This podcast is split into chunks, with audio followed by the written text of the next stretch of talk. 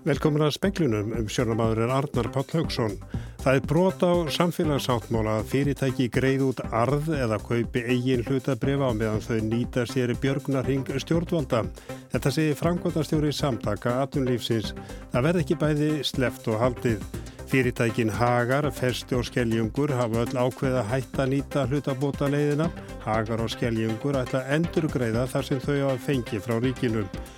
Útlitið fyrir að takmörkunum vegna samkomiðbans verði aflétt hraðar þann 25. mæ en gert var áð fyrir. Engin greindist með smiti síðasta sólarhing. Sótvarnalæknir segir að óhætt sé að ganga lengri í aflétta hömlum vegna þess hversu hratt farandrun hefur gengið niður. Yfir 31.000 döðsföll hafa verið tilkynnt í Breitlandi vegna COVID-19 sjúkdómsins. Þeirra meðal er 6 veikna ungbarn. Á sunnudag eru 80 ár frá því að breytar hernám í Ísland. Sagfræðingur segir að fáir atbyrjur hafi haft jafn miklar og skjótar breytingar í förmið sér í sögu landsins. Frankværtastjóri samtaka atvinnlýsins segir að þau fyrirtæki sem greið út arð og kaupi eigið hlutapri á meðan þau nýti sér björgunarhingu stjórnvalda í hlutabóta leiði, leiðinni brjóti samfélagsáttmálan. Fjármálar á þeirra sagði í hátegisfréttum að fyrirtækin reki rýting í þá samstöðu sem myndast hafi í samfélaginu í koronaveiru faraldrinum. Félagsmálar á þeirra hefur sagt að framferði fyrirtækina sé bestafalli siðlust. Haldur Benjamin Þorbergsson er framkvæmtastjóri SA. Þessu hlutabóta óraði var komið á í miklum flíti í samstarfi ríkistjórnarinnar, samtaka aturlífsins og ASI og stjórnvöld hafa gefið út að þetta var gert mjög hratt og það verður að hafa í huga ákvarðanir fyrirtækjana voru líka teknar með mjög lítinn undirbúning í huga. Að þessu virtu þá sjáum við að það var komið upp dæmi sem hafa verið í fjölmjölum undanfarnar vikur og það er alveg skýrt að það brítur í báa við samfélagssáttmálan að fyrirtæki séu að greiða sér út arð eða kaupa einn hlutabref og á sama tíma vera að nýta sér björgunarring stjórnvalda. Það verður ekki bæði haldið og sleft í þessum efnum. Og ætli þið svona að koma þeim tilmælum til fyrirtækja sem eru í samtökum aðtjóðlísum sem að þau bara endur greiði stjórnvaldum? Við getum ekki tekið afstöðu fyrir einstaka fyrirtæki eins og ég hef nefnt við þig en hins vegar er alveg kýrskýrt að það er afdráttarlaus krafa til allra fyrirtækja sem nýtt hafa sér hlutabótaleðina að þau efni sinn hluta samkómalagsins og hækki aftur starfslutfall þess starfsfólks sem að fóri tímabundið lækkað starfslutfall og standi þannig vörðum ráningasambandið. Sagði Haldur Benjamin Þorbergsson í vitala við Kristínu Siguradóttur. Og Hagar ákvaði dag að hætta nýta hlutabóta leið stjórnvald og endur greiða þar sem fyrirtæki hefur fengið 36 miljónu króna. Festi ákvað líka að hætta nýta hlutabóta leiðina en í tilkynningu frá fyrirtækinu kemur ekki fram hvort um 45 miljónu sem fyrirtæki hefur fengið verðið endur greiðar. Bæði fyrirtækin hafa verið harlega gaggrind á ráðamannum fyrir að nýta sér þetta úræði og skeljungur tilkynnti gæri að það hefði hætt að nýta hlutabóta leiðina og ætlaði að endur greiða aftur þar sem það hefði fengið. Ekkert korunaveiru Veiru smiti greindist í gæri, korki hjá veirufræði deildi landsbítalansni íslenskri erðagreiningum. Sótvarnalegnir segir óhætt að aflétta hömlum hraðar en áður var gert ráð fyrir, fyrir þann 25. mæ. Þetta er fjórði dagurna fimm þar sem engin greinis með veiruna. 464 síni voru tekinn en fækkar þeim sem eru með virkansjúkdóm og eru þeir nú aðeins 26. 98% þeirra sem hafa greinst með koronaviruna hafa náð bata. Alls hefur 1801 greinst smitaður. Tveir likja á landsbítalunum vegna sjúkdómsins, kvorugur á gjörgæslu. Þórólfur Guðnarsson, sóttvarnalæknir, sagði á upplýsingafundi almannavarna að þessar upplýsingar gæfu tækifæri á að fara hraðar í að aflétta ímsum takmörkunum á samkomiðbanni en áður var gert ráð fyrir. Nú eins og áður hefur komið fram að þá eru stendað almennri afléttingu á, í skrefi 2 þann 25. mæ, þar að segja viku eftir að sundstaður opna og uh, þar hefur fram til þessa verið rætt um og við höfum talað um það að hugsanlega sé við miðan þá við hundrað manna samkomur en ég held að sé ljóst eh, að við getum stíið stærra skref og að það höfðu samráði við helbriðsráð þar að líklegt að við munum fara í einhverja starri tölu. Ég er ekki alveg tilbúin að segja nákvæmlega hversu stóra en ég held að okkur verði óhætt að fara svolítið hraðar og brattar í þetta heldur en við heldum og, og ég held að það ætti bara að vera ánægilegt.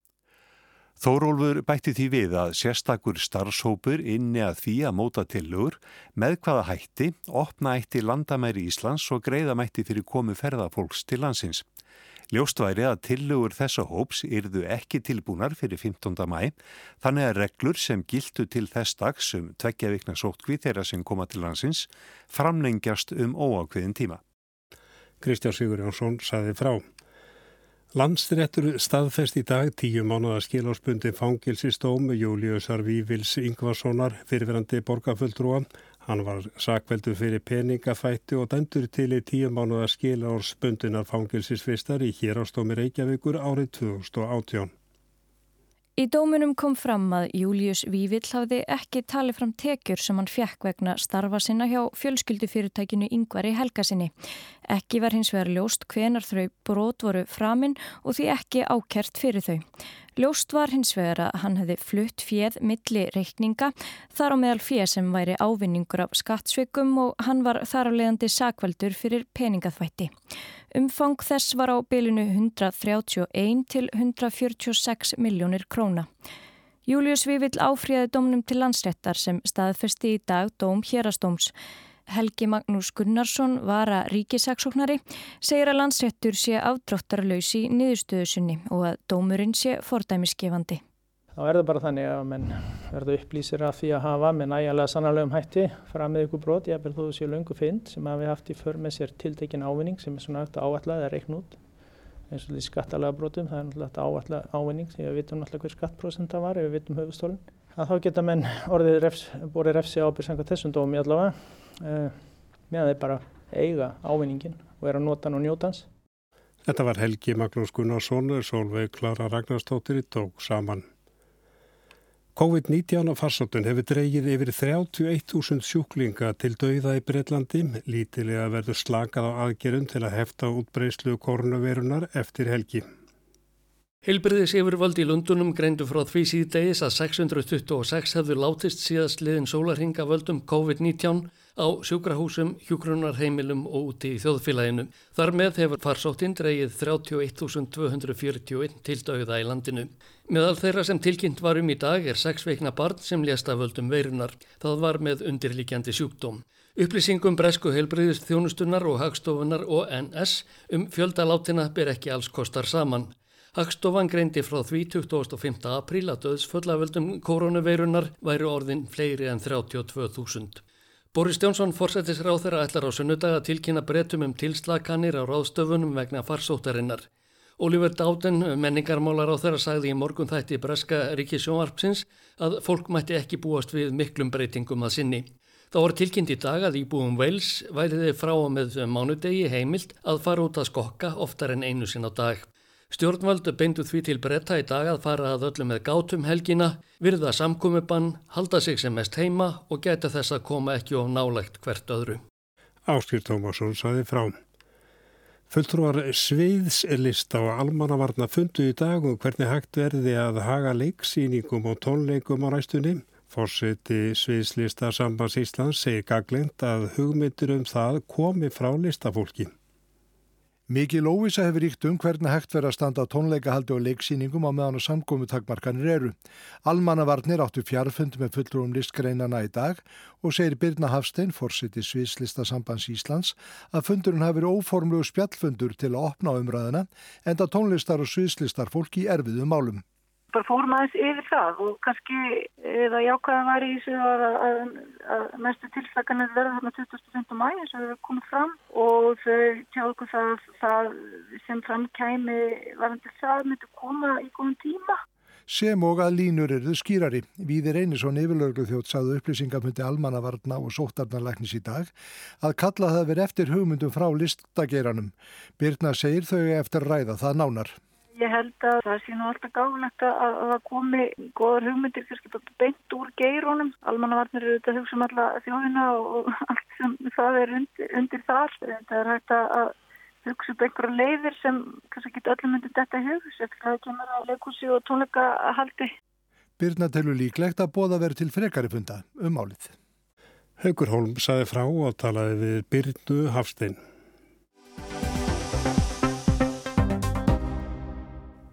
Á sunnundagin eru 80 ár frá því að breskur heri steg á land í Reykjavík. Fáir atbyrðir hafa haft jafn miklar og skjótar breytingar í för með sér í sögu landsins. Bói Ágússon fjallar um hernámið og ræðir við Guðmund Haldunarsson, professor í sakfræði við Háskóla Íslands. Útverðir breska heimsveldisinn sem stígu á landa á förstudagsmórni fyrir hvítasunnu 10. mæ 1940 voru ekki beinlinis úrvalsveitliðsmanna hans hátegnar Georgs sjötta. Sögufrægar herdeildir voru eins og nánast allur breski herin í Fraklandi eða í Nóri þar sem brettar átti eftir að fara halloka fyrir þjóðverjum. Í Reykjavíkurhöfn voru á ferðum 400 liðsmenn í öðru herfylki landgönguliðs breska flótans, herdeild sem hafi verið stoppsett aðeins mánuði fyrr. Landgönguliðarnir voru margir líkt þjálfaði nýliðar, sumur hafði aldrei leift skoti úr rifli þennan mæi morgun. Þó að flottadeildin sem flutti landgönguliðana til Íslands hefði hreft þokkalegt veður þá tvo daga sem að tóka sigla frá Grínokk í Skotlandi, hafðu margir orði sjóveikir. Tvö beitiskip, Berrik og Glasgow, fluttu herliðið, alls tæplega 800 manns og beitiskipunum fylgdu tveir tundurspillar, sýsturskipin Fearless og Fortune. Þór Vætett sakfræðingur lýsir aðdraganda landgöngunar í bóksinni Bretarnir koma.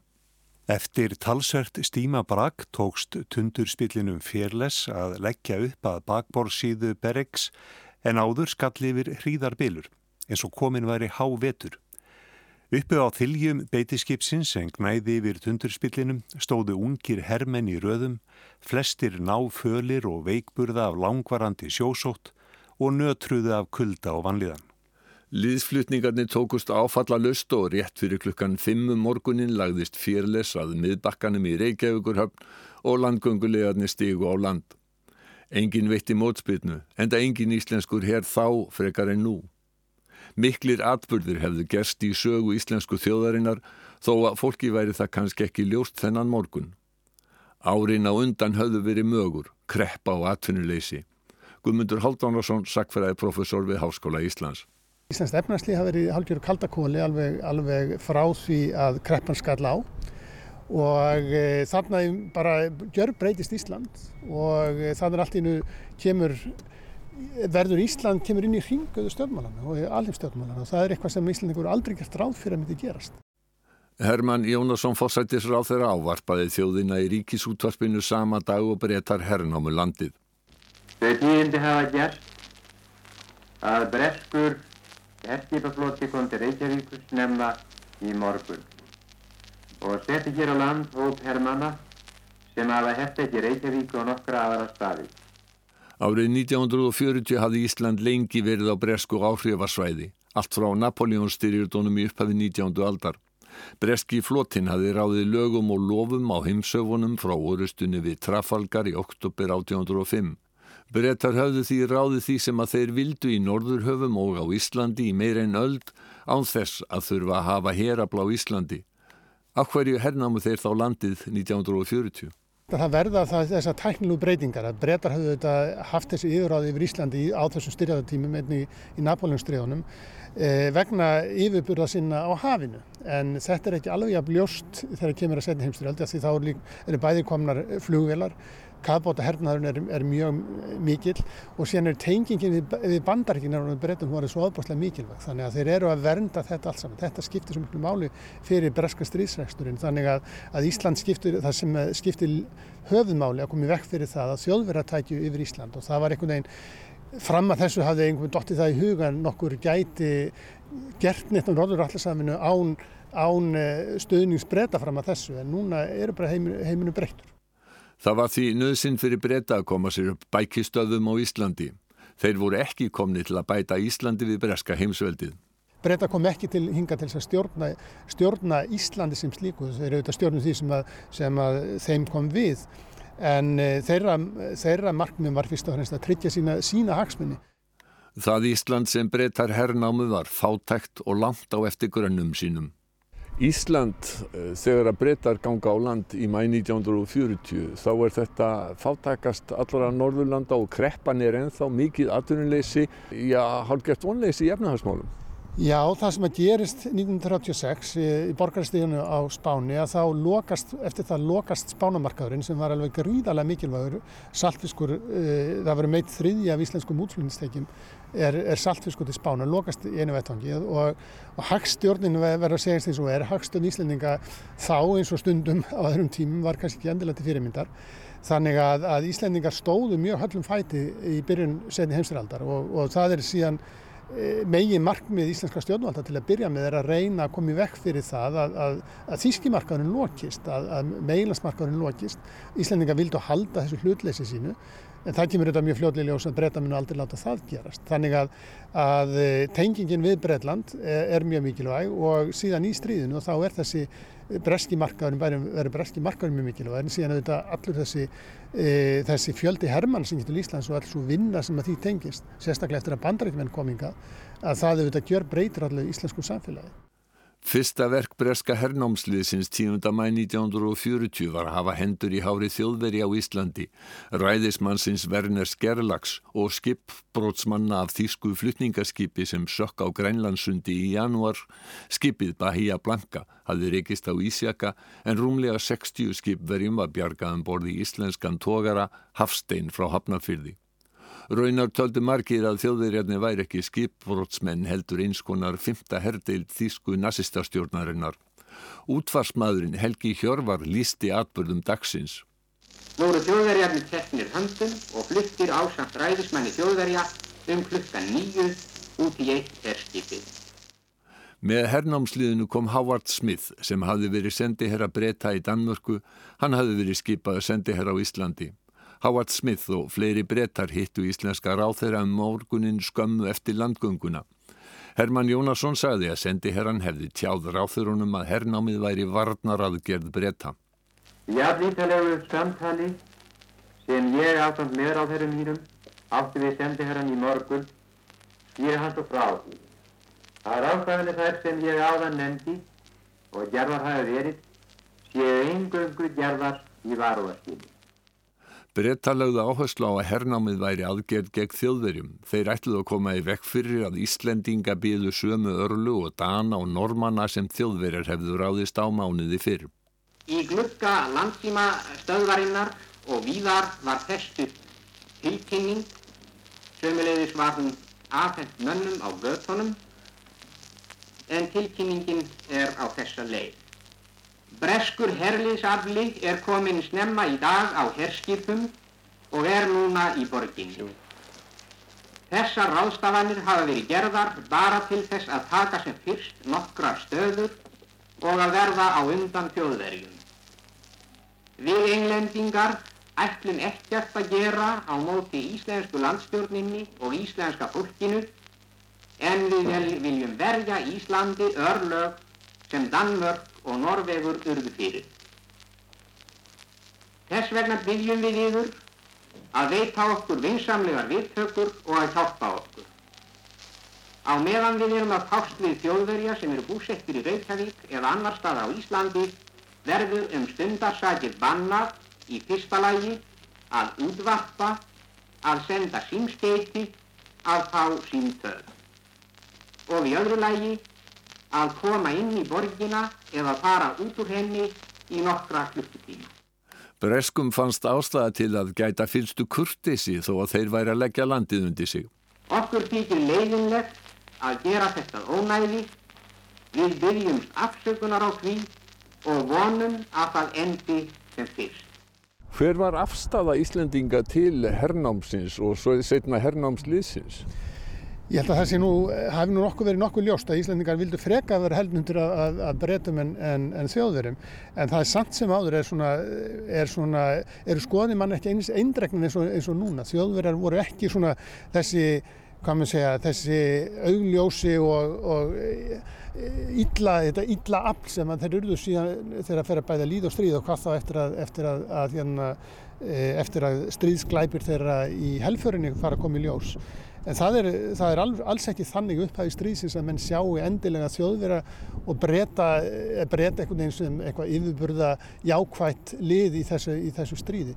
En, en ég held að sé af samt sem að það er mjög fljótlega að fara að berast fréttir að því til dæmis hvernig normin fara út úr, út úr sínu hernam og, og þegar við berum það sama við hernam breyta á Íslandi þá þetta, er það öllum ljóst að, að, að við vorum mjög heppin að þessu leiti.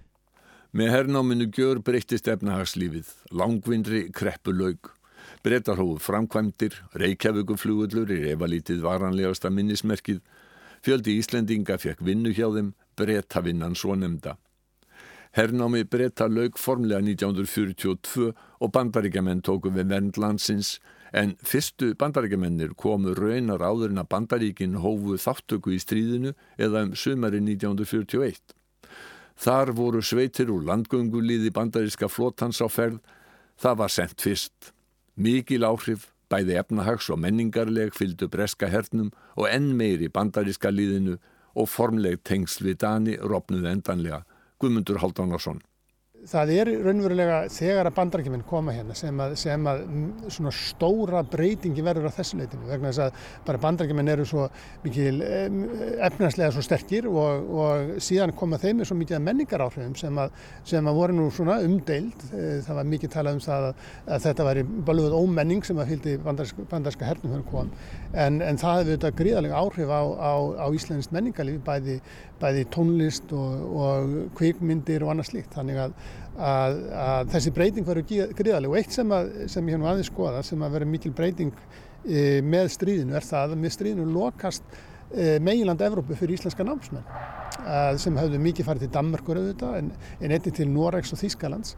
Þetta verkfræðinga til dæmis fara, fara mikið til Noregs og Þýskalands Þetta lokast algjörlega og, og íslenski námsmenn fara, fara meira til bandaríkjana og þannig að, að svona, það verður svona ákveðin menningabilding í síðara heimsturheldinni, tengist auðvitað þessu hernámi en einnig því að auðvitað Ísland lendir þá, eh, lendir þá bandamanna megin í þessu, í þessu stríð, ekki, ekki þjóðra megin eins og, eins og, eins og Danir. Þetta var Guðmundur Haldunarsson, Bói Ákusson talaði við hann og sagði frá.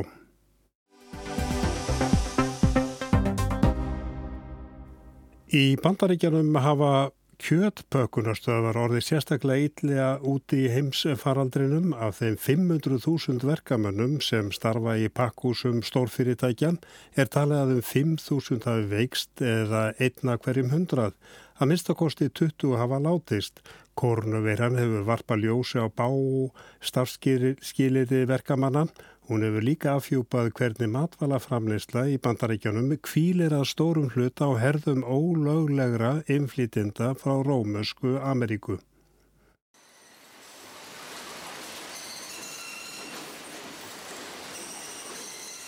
Í kjötpökkunarstöðum Vestanhafs virðast hafa skapast kjör skilirði fyrir nýju koronaviruna. Stöðvarnar skipa sér í flokk með hjúkrunarheimilum því að smitt eru óvíða algengari. Inn í versmiðunum er kallt og rægt. Þar vinnur fólki miklu návíi á hraða sem að gerða verkum að þá mjög erfitt með að hósta eða nerra í olbúabótina. Framleiðslufyrirtækin segjast hafa staði sína plikt gagvart starfsmönnum en starfsmenn hafa oft aðra sögu að segja. Þeir hafa jafnvel unnið vikum saman veikir og vinnuveitendur ekki hlustað þegar þeir greindu frá einkennum. Það var skimað fyrir hita og ef að hitin var undir mörgum var fólki ráðlagt að halda bara áfram að vinna. Starfsmæður sem vann við hlið manns sem að síðar greindist með sjúkdóminn viðræði áhyggjur sínar við mannuðustild framleiðsturis hans Tysons Foods. Hann segist að fengi þau svöru að hann væri örugar í vinnunni en út í búð uh, catching the coronavirus going out to Walmart in Tyson. Come to work, you safe. Í umfjöllun fjölmiðlaveitunar Bloomberg er sagt frá Rafael Benjamin, innflytjanda frá Dóminíska líðveldinu. Þegar smitt fór að koma upp í pakkhúsum víðum landið kvöttu uppkominn börnansan til að vera heima, þó að það gæti kostaðan starfið. Benjamin ákvaða halda út í vinnunni til 10. apríl. Því að þá ættan 17 ára starfsamæli hjá svína og nautakjöts framleiðslustuðinni Cargill Incorporated í smábænum Hazelton í Pennsylvania og þá er þann búinn að vinna sér inn rétt til fulls ellilíferis. Fólk fór að veikjast á vinnustæðans í mars og orðurómur gekkum að þar væri kórnuvísin á ferðinni. En yfirmenn báru það tilbaka og báðu starfsmenn að vera ekkert að ræða það hvort að hinn eða þessi kynna vera smitaður. Álagið á Benjamin jógst eftir því sem að færri starfsmennum var til að dreifa. Vikurnar liðu, Benjamin helt áfram að mæta til vinnu en viðkendi í samtölunum við börn sín að hann erði sífælt áhyggjufillri. Eitt daginn mætt hann með andlitskrímu Yfirmaður hans bað hann að taka hana niður. Það mætti ekki skapa óþarfa hræðslu á vinnustöðunum. Laugardaginn 4. april ringdi Benjamin sigin veikan með hýta og hósta. Á mánudegi var hann fluttur á sjúkrahús. Þann 10. apríl þegar Benjamin átti starfsamælið lág hann í öndunarvél á Gjörgjastlu deild og nýju dögum síðar lést hann. Samkvæmt stjættarfélagi verkamanna í matvælageranum höfðu 130 af 900 starfsmönnum stöðvarinnar greinst með kórnuveirusmitt þann 7. april. Forsvarsmennanar vildu þó ekki veita neinar upplýsingar um fjölda smita. Í vikunni sem Benjamin veiktist var stöðinni í Heisiltún lokað til að hægt vera sótreinsana og setja upp skilrúm á milli starfsmanna. Það var skortur á veirupinnum og sjúkrahúsin hættu að prófa fólk úr pökkunageranum. Ef þú vinnur í kjötvinnslunni getur þú reikna með því að vera smitaður, var viðkvæðið. Í umfjöldun Blúmberg segir að marsmánuður hafi verið tími afneitunar og þöggunar í kjötvinnslustöðunum. Verkamenn hafi smitast við færibandið eða búningsklefunum og búrið smitið með sér heim. Dæmir um að helmingur starfsmanna stóra stöðva hafi smitast. Starfsemi margra stöðva skertist og sumar þurft að loka. Bandaríkjaman borða mikið af kjöti, meira en Evrópubúar alla jafna og meira en nákvæmnar þeirra í Kanada og þeir vilja það ódýrt, þeir borga minna fyrir það. Í bandaríkjunum hefur ekki orðið önnur eins röskun á kjötframbóði frá tímum setni heimstýrjaldar, það sög Blomberg. Í loka april byrti stærsta kjötvinnslu fyrirtæki bandaríkjana, Tyson Foods, heilsíðu auglýsingi í blöðum með viðvörnarorðum. Framlegslu keðjan er að ropna. Tveimur dögum síðar virkjaði Donald Trump bandaríkjaforsiti neyðar ákvæði sem skildar pökkunarstöðunar til að halda áfram starfsemi í því skinni að tryggja matvælauriki. Ákverðunin var í andstöðu við niðurstöðu sumra ríkja bandaríkjana og forstuðum hana ákveðina pökkunarstöðva sem vildu hafa lokað um tíma af öryggisástæðum. Gaggrínendur segja öryggi verkamanna stemt í voða Stjórnvöld hafa heitið því að útvega starfsmönnum viðegandi öryggisbúnað en atvinnumálaráðunettið íhuga líka að verja fyrirtækin fara einhverjir starfsmenn í málviði.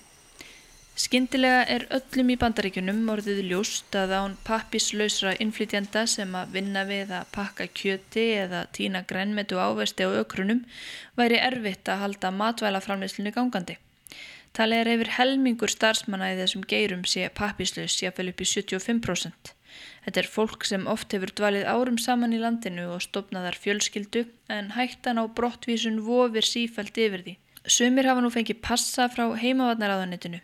Í passanum kemur fram að þessu mikilvægir framlínu starfsmenn og ekki megi vísa þeim á brott, ekki eins og er. Alfredo Corjato lýsir skoðun sinni í pistli á vef New York Times. Hann kom uppalega til bandaríkjana sem ólöglegur innflýtandi frá Mexiko og vann á ökrunum. Honum finnst það að þurfa að verlauna þessa hópa sem nú leggja sig í hættu fyrir bandaríkin. Það þurfa auðvelda þeim það ferli að fá dvalarleifi, ekki ósjöpa því sem að áður týðkaðist að auðvelda inflytjandum sem gengt höfðu herskildu að auðlast ríkisborgarrétt. Það gengi ekki að líta á þessa hópa sem einnúta vinnuafl sem að hægt sig að nota og henda svo úr landi. Það er spurning hvort veiru tímatnir breyti viðhorfum stjórnmálamanna til þessa hóps og hvort harðar yfirlýsingar Trumps um að brínt sé að senda þennan óþverra líður landiði snarasta séu af praktískum ástæðum meira í orði en á borði. Arnildur Haldunadóttir saði frá að við ljúkum speiklunum á tveimu fréttum sem komast ekki að áðan. Vinnumálastofnun segir í tilkynningu að stofnuninn telji sér kvorki af að heimilt til að afhendan er byrta list yfir þau fyrirtæki sem nýtt hafa sér hlutabóta leið stjórnvald og að gera samkóla við starfsmið sína um minkandi starfslutfall. Og frangotastjórn Európa-sambansins kvatti aðaldaríki í dag til að framleikja bann við ónausilegu ferðalögum til þeirra til 15. júni. Í yfirlýsingu segir að þrátt fyrir að einstök rík hefði slakað á aðgjörðu vegna koronaviru farsóttarinnar sé ástandi viðkvæmt í ESB-ríkjónum sem og annars þær í heiminum. En það er ekki fleira í speiknum við kvöld. Mark Eldreit var tæknumar verið sæl og góða helgi.